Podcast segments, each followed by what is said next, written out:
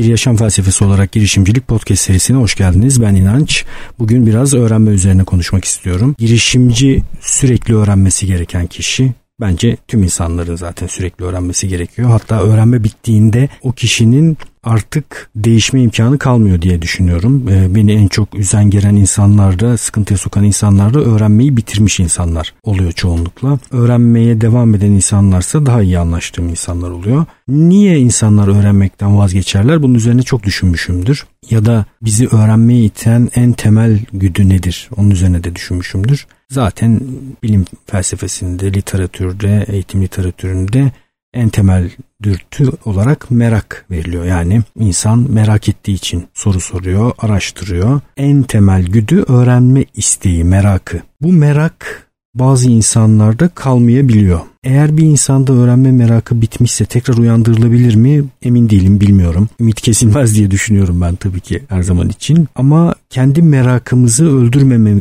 konusunda bizim en azından kendi üzerimize düşen bir sorumluluk var. Nasıl öldürmeyiz merakımızı? Gündelik koşuşturmacaya, boğuşmalara fazla girmeden arada bir e, bize nefes aldıran, keyif aldığımız öğrenme alanlarına açılmak gerekir diye düşünüyorum. Ve herkesin hayatının hemen hemen her anında bir böyle genel beceriyi geliştirmeye devam etmesi gerekir. Bir de böyle arada küçük detay bir takım becerileri edinmeye devam etmesi gerekir diye düşünüyorum. Bir alanda çok iyi uzman olmamız, o alanı çok iyi öğrenmiş olmamız bizim o alandaki bilgilerimizi ve becerilerimizi transfer edebilmemizi garanti etmiyor. Bunun için de sürekli farklı alanlardan, geniş bir spektrumdan öğrenmeye devam etmek bizim düşünce kalitemizi, karar kalitemizi arttıracaktır. Tabii ki bazı alanlar birbirine daha kolay transfer edilebilir. Onun için günümüzde entelektüel birikimini kullanarak e, hayatını kazanmaya çalışan insanlar çeşitli kombinasyonlar oluşturabilirler. Kendi e, üzerimden bir örnek vereyim. Ben mesela işte senaryo yazımıyla uğraştım, oyunculukla uğraştım, yönetmenlikle uğraştım, kısa film çektim, fotoğrafçılıkla uğraştım. Bu ayrı ayrı kümeler, bilgi kümeleri çeşitli kombinasyonlarla bir araya getirilebilir. Yani ben birden pat diye ben artık dijital pazarlama alanında işler yapacağım diye kendimi o alana konumlandırdığım anda bu bilgi kümeleri bir alt küme olarak benim işime yarar hale geliyor. Ya da şey düşünelim sinema yapmaya karar verdim. Öğrenme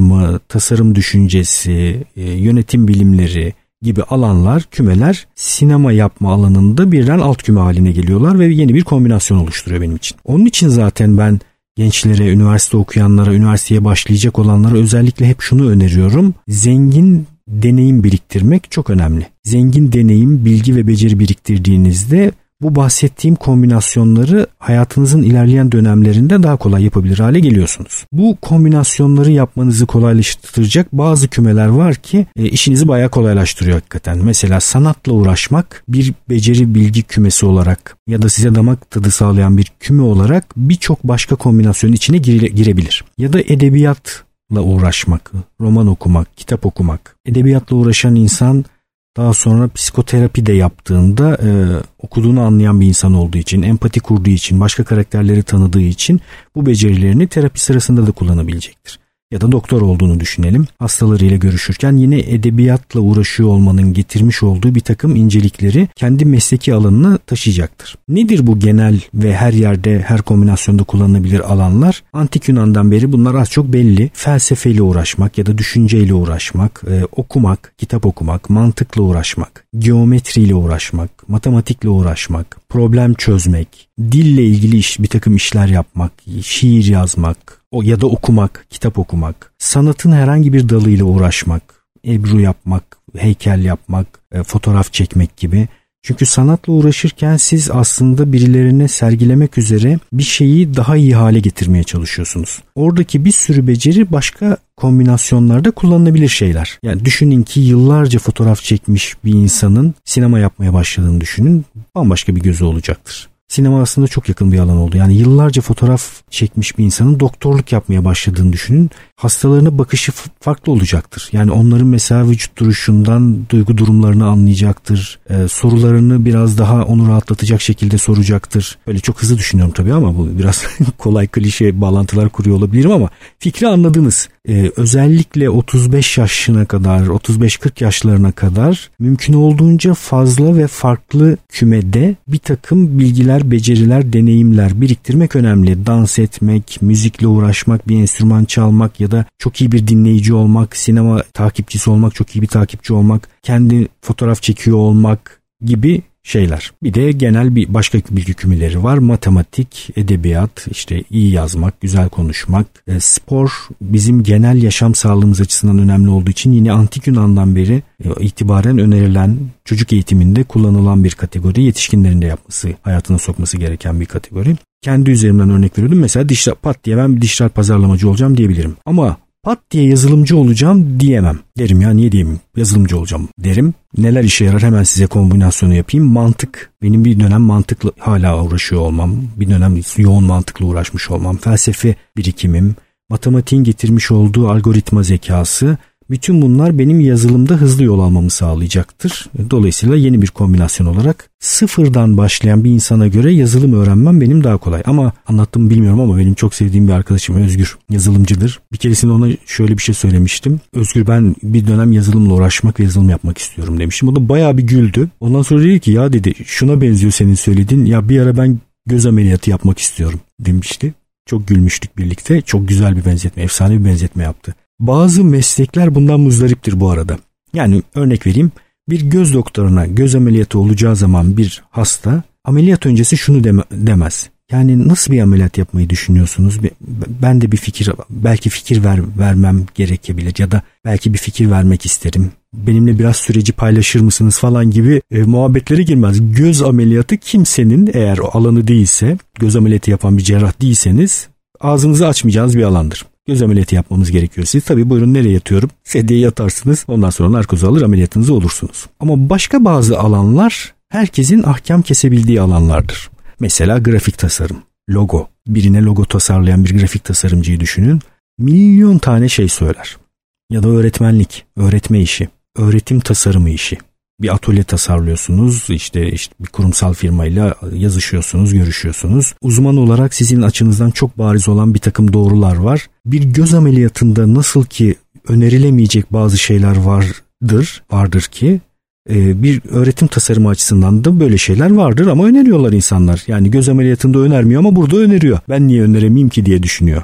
Öğretmenlik, yemek yapmak benzer bir şekilde aklıma gelen alanlar şimdi hızlıca bunlar herkesin ahkam kestiği alanlarda uzmanlık üretenlerin biraz sinirlerini sağlam tutmaları gerekiyor. Gerçekten sinir bozucu çünkü. Ama herkesin ahkam kesemediği bir alanda çalışıyorsanız kafanız baya bir rahat oluyor. Orada da aşırı cahillerle biraz uğraşmanız gerekebiliyor zaman zaman. Göz doktorları yine şanslılar. Bakın orada hiç kimseyle uğraşmanız gerekmiyor gerçekten. Yani öyle bir iş yapıyorsunuz ki göz ameliyatı yapıyorsanız kimsenin hiçbir söyleyeceği bir şey yok. Bu alanı bilmeyen birinin. Tertemiz mis gibi iş. Göz doktorum olsam. İşin şakası tabii. Devam edelim. Biraz öğrenme üzerine konuşmak istiyorum. Öğrenme benim artık biliyorsunuz yani hayatımın her anını dolduran alanlardan birisi. Ee, bir makaleye rastladım. Öğrenme stratejileri üzerine bir makale. Learning the Smart Way diye bir makale. Paul Kirschner, Miriam Nealon'ın yazmış olduğu bir makale. İlgimi çekti. Güzel. Böyle çok e, ortalıkta dolaşan bir takım yanlışları çok iyi derlemişler. Öğrenme stratejisi ne nasıl anlatabilirim? Örnek vereyim. Mesela diyelim ki size şöyle bir soru sorsam. Ben eğitici eğitimi verirken kullandığım bir egzersiz türüydü bu. Şöyle bir soru soruyordum insanlara. Bir konuda sunum yapacaksınız. Konuyu çok iyi bilmiyorsunuz. Bir tane e, ders kitabı var bir tane uzman var. Bir e, 6 saat pardon 6 saat vaktiniz var. Bu 6 saati nasıl kullanırsınız diye soruyordum. Sonra insanlar düşünüyorlar işte birisi diyor ki önce uzmana biraz sorular sorarım, genel çerçeveyi öğrenirim, sonra ders kitabını okurum, sonra biraz internette dolaşırım, sonra aklımda oluşan soruları tekrar uzmanla konuşurum. Böyle bir takım şeyler anlatıyordu insanlar. Herkes paylaşıyordu. Bu egzersizle varmaya çalıştığım nokta şuydu. Kimse şunu söylemiyor. Ben otururum uzman bana 6 saat boyunca anlatır. Çünkü 6 saat boyunca dinleyerek öğrenemeyeceğinin herkes farkında. Ama kendisi öğretme işine soyunduğunda bu insanlar özellikle kurumlarda yetişkin eğitimiyle uğraşan bu insanlar hemen en pratik yol olan ve her zaman gördükleri, rastladıkları, yaşadıkları yol olan anlatma yolunu tercih ediyorlar. Egzersizin bize söylediği şey ise şu. Öğrenen kişinin bir takım stratejiler, öğrenme stratejileri kullanması gerekiyor ki o öğrenme dediğimiz şey gerçekleşsin. Öğreten kişinin yap, yapabileceği tek şey şu öğrenmenin, idrakın açığa çıkması için gerekli şartları, koşulları oluşturmak, gerekli unsurları bir araya getirmek. Yani balık tutmanız gerekiyorsa bir şeyin öğrenilmesi için öğrenenle balık tutmanız gerekir öğreten kişi olarak. Dans etmeniz gerekiyorsa dans etmeniz gerekir. Soru sormanız gerekiyorsa soru sormanız gerekir. Bir şey izletmeniz gerekiyorsa bir şey izletmeniz gerekir. Sonsuz sınırsız e, stratejiden bahsedebiliriz. Önemli olan çıktıdır. Öğrenmeyi açığa çıkaracak yaşantıyı oluşturmaya çalışırsınız tasarım yaparken. Yani öğretme işi birilerine bir şeyler anlatmak değildir. O kadar kolay olsaydı keşke. Öğrenme kompleks mesele. Bir insanın da kendisinin nasıl öğrendiğini keşfetmesi çok değerli bir bilgi türü. Bunu bir an önce yapması gerekir herkesin. İşte bu makalede 5 tane çok etkili öğrenme stratejisini paylaşmışlar. 5 tane de hiç etkisi olmayan öğrenme stratejisini paylaşmışlar. Bu stratejilerin de en etkiliden en etki size doğru sıralamışlar sıralama olarak. Ben de sizinle öyle paylaşacağım. Önemli bir takım dergilerden, akademik dergilerden veri tabanlarından topladıkları verilerle bu araştırmayı yapmışlar. İlk olarak e, en etkili olan 5 taneye bakalım. Sıralı olarak en en etkiliden en etkisize doğru. En etkili öğrenme stratejisi araştırmalara göre zamana yayılmış öğrenme. Yani 4-5 saate sıkıştırmak yerine bir şeyi eğer 5 saat kullanacaksanız o şeyi öğrenmek üzere yarım saatlik 20 gün kullanmanız daha iyi. Bu arada her gün öğrenin dayandığı temel prensiplerden birisidir bu zamana yayılmış öğrenme. Her gün 21 gün boyunca 3-6 dakikalık bir video göndererek öğretiyoruz insanlara. Bizim e, araştırmaları takip ederek keşfettiğimiz ve merkeze aldığımız tasarımda öğelerden birisidir bu. Zamana yayılmış olursa eğer çalışmalar öğrenme daha kuvvetli hale geliyor. Sınavdan bir gün önce, iki gün önce çalışarak bir dönemlik dersi halletmeniz neredeyse mümkün değildir. Üniversitede çok yaşanır bu. Bunu zamana yaymanın bir yolunu bir şekilde bulmanız gerekir. Eğer e, üniversitedeyseniz e, haftada bir en azından ya da işte 15 günde bir yani en nihayetinde ne kadar süre ayıracaksanız bunu zamana yayarak kullanmanız sizin öğrenme veriminizi arttıracaktır. Son dakikaya bırakan bir insansanız ne yapacaksınız? Öyle yani öyle çok öğrenci var. Son ana kadar bırakan. O zaman en azından 2-3 güne 4 güne sondaki 3-4 güne sıkıştırılmış bir şekilde yaymaya çalışacaksınız. En nihayetinde tek bir anda oturup öğrenmek daha zor, daha etkisiz. İkinci öğrenme stratejisi pratik yapmak, soru çözmek, bir şekilde uygulama yapmak. Neden etkili oluyor? Çünkü pratik yaparken öğrenmiş olduğunuz şeyi hayata geçiriyorsunuz ve uyguluyorsunuz. Öğrenmenin içerisinde hafızadan bir şeyi çağırma var, bir şeyi bir şeye benzetme var, analiz etme var, sentez var. Bir sürü e, dinamik olarak birbiriyle etkileşimli çalışan beceri var, aksiyon var. Bunu ne kadar e, hayata geçirirseniz o kadar öğrenmeyi yoğun hale getirmiş oluyorsunuz. Üçüncüsü kesişen, birbirinin üzerine düşen pratik yapmak demiş. Mantığı şu, mesela diyelim ki kübün hacmini öğreniyorsunuz, piramidin hacmini öğreniyorsunuz, silindirin hacmini öğreniyorsunuz ve kürenin hacmini öğreniyorsunuz. Bunları ayrı ayrı ve birbirinden bağımsız şeyler olarak öğrenmeye çalışmak yerine kübü öğrendikten sonra piramidi öğrenirken onun içinde biraz küple ilgili de bir şeylerin bulunması, sonra silindirin bununla kesişmesi, sonra kürenin kesişmesi ve bu şeylerin birbirinin üzerine binerek egzersizinin uygulamasının yapılması öğrenmeyi daha çok arttırıyor. Çünkü büyük ihtimalle bu şeyleri birbiri üzerine bindirirken aralarındaki farkları da çalışmış oluyorsunuz ya da benzerlikleri de çalışmış oluyorsunuz. Böylece e, daha fazla bilişsel iş yürütmüş oluyorsunuz. Bir sonraki madde, dördüncü madde sorgulama, soru sorma. Öğrendiğiniz şeyin neden öyle olduğunu, prensiplerinin ne olduğunu, gerekçeleri kendinize sorduğunuzda ve bunu cevaplamaya çalıştığınızda yine öğrenme sağlanmış oluyor. Öğrenmeyi daha çok güçlendirmiş oluyorsunuz. Son madde kendine açıklamak. Yani diyelim ki adım adım yapılan bir şey öğrendiniz. Beş adımda satış tekniklerini öğrendiniz. Okudunuz. Sonra durup bu beş adımı kendinize sesli olarak konuşarak açıklıyor olmanız, anlatıyor olmanız yine sizin öğrenmenizi güçlendirecektir. Çünkü hafızadan o bilgiyi çağırıyorsunuz, bir takım şeylerle eşleştiriyorsunuz. Bütün şey zaten öğrenme kişinin kendisinde gerçekleştiği için ne kadar çok hafızalı, hafızayla, duyularla, bilişsel işlerle uğraşırsa kişi o kadar yoğun öğrenme sağlıyor. Soru sorarak, karşılaştırma yaparak, benzeştirme yaparak bir takım işler yapması gerekiyor yani. Bir de etkisiz öğrenme stratejilerini paylaşmışlar. Yine en etkisizden en az etkisiz olana doğru olmak üzere. Enteresan şeyler var burada.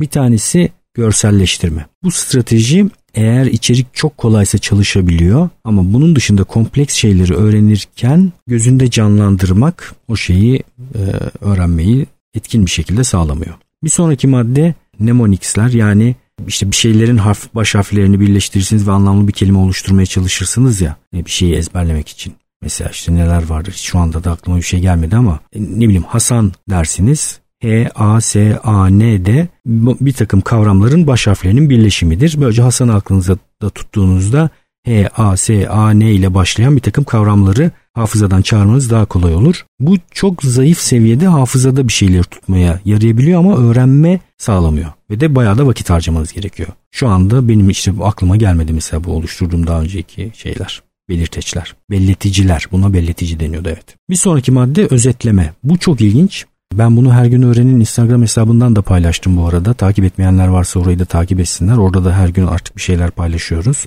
Özetleme insana öğretici gibi görünmekle birlikte işte belli bir metni okuyup onun temel noktalarını ortaya çıkarmak, anahtar kavramları açığa çıkarmak daha iyi öğrenmeyi sağlamıyor. İlginç değil mi?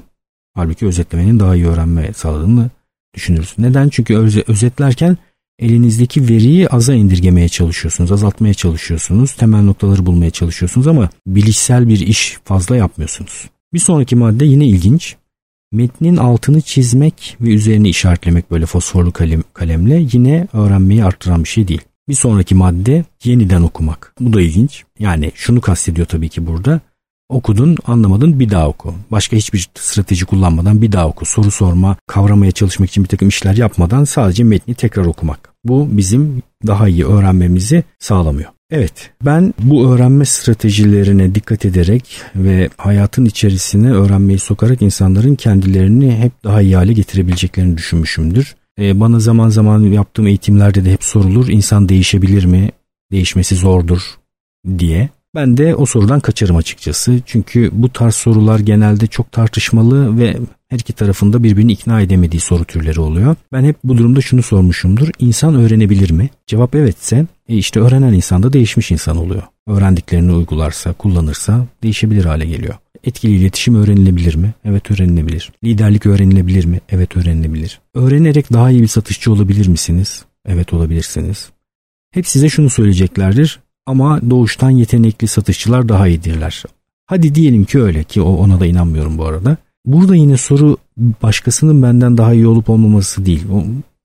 Bu karşılaştırmaya hiç gerek yok. Ben öğrenerek kendimden daha iyi bir versiyona ulaşabiliyor muyum? Bütün mevzu bu zaten. Kendimin daha iyi bir versiyonuna ulaşabiliyorsam öğrenme yoluyla öğrenmeyi bırakmamam lazım. Peki ben ne öğrenirdim şu dönemde? Neye dikkat ederdim? Öğrenmek e, açısından neye neyi öğrenmeye başlardım? Şöyle yaklaşırdım herhalde meseleye. Bir grup kategoride her gün çok az da olsa çalışarak düzenli çalışmayla öğrenebileceğim bir şey seçerdim. Bu da dil olabilir mesela.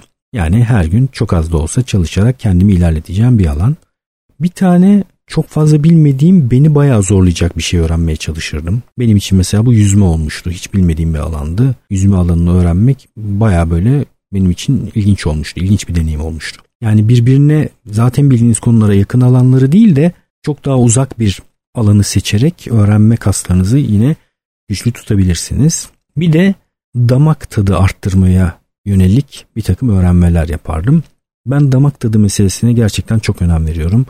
Yani iyi bir sinema izleyicisi olmak, iyi bir okur olmak, iyi bir müzik dinleyicisi olmak, üretmeseniz bile belli sanat alanları içerisinde damak tadı yüksek iyi bir tüketici olmak önemli diye düşünüyorum. Çünkü bu sizin kendi kendinize o alanları öğrendiğiniz anlarda çok işinize yarayacak. O alanları kendi kendinize öğrenmeye başladığınızda en azından damak tadınız öğrenip öğrenemediğinizi size söyleyecek. Bir şeyi öğrenirken en önemli sıkıntılardan birisi budur bu arada. Yani öğrenebildim mi öğrenebilmedim mi yapabildim mi yapamadım mı bunu çoğu zaman bana başka birisinin söylemesi gerekir. Ama damak tadımı yükselttiğim işlerde ben kendime bunu söyleyebilirim. Olup olmadığının kararını ben verebilirim. Bu da bana çok ciddi bir avantaj sağlıyor. Kendi kendime öğrenebilirim. Bir sürü şey. Evet umarım sizin için de öğrenme adına iştah açıcı bir program olmuştur. Ben şimdi böyle yine öğrenme üzerine konuşurken acaba bir yandan da kafamda şeyler uçuşuyor. Ya ne öğrensem acaba, neye başlasam diye bir şeyleri böyle kafamda uçuşturmaya başladım. Evet inançayar.com podcast sekmesinden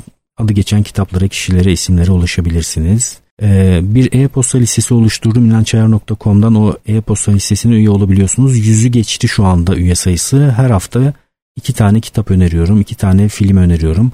Bir de benimle sizin aranızda bir iletişim köprüsü kuruyor. Bir takım duyurular olduğunda onu yapabileceğim. Şu anda bir kitap yazmaktayım. Kitap çıktığında haber verebileceğim size. Bir takım eğitimler yapıyorum. Eğitim olduğunda eğitim haberi duyurusu yapabileceğim size. Bir iletişim kanalı olarak önem veriyorum e-posta listesine. Onun için üye olmanızı rica ederim. inançayar.com'dan e, bir form çıkacak. O formdan üye olabilirsiniz. Başka söylemem gereken şey var mı? inançayar.gmail.com'a e-posta gönderebilirsiniz. Bir de her gün öğren Instagram hesabını takip ederseniz memnun olurum. Görüşmek üzere.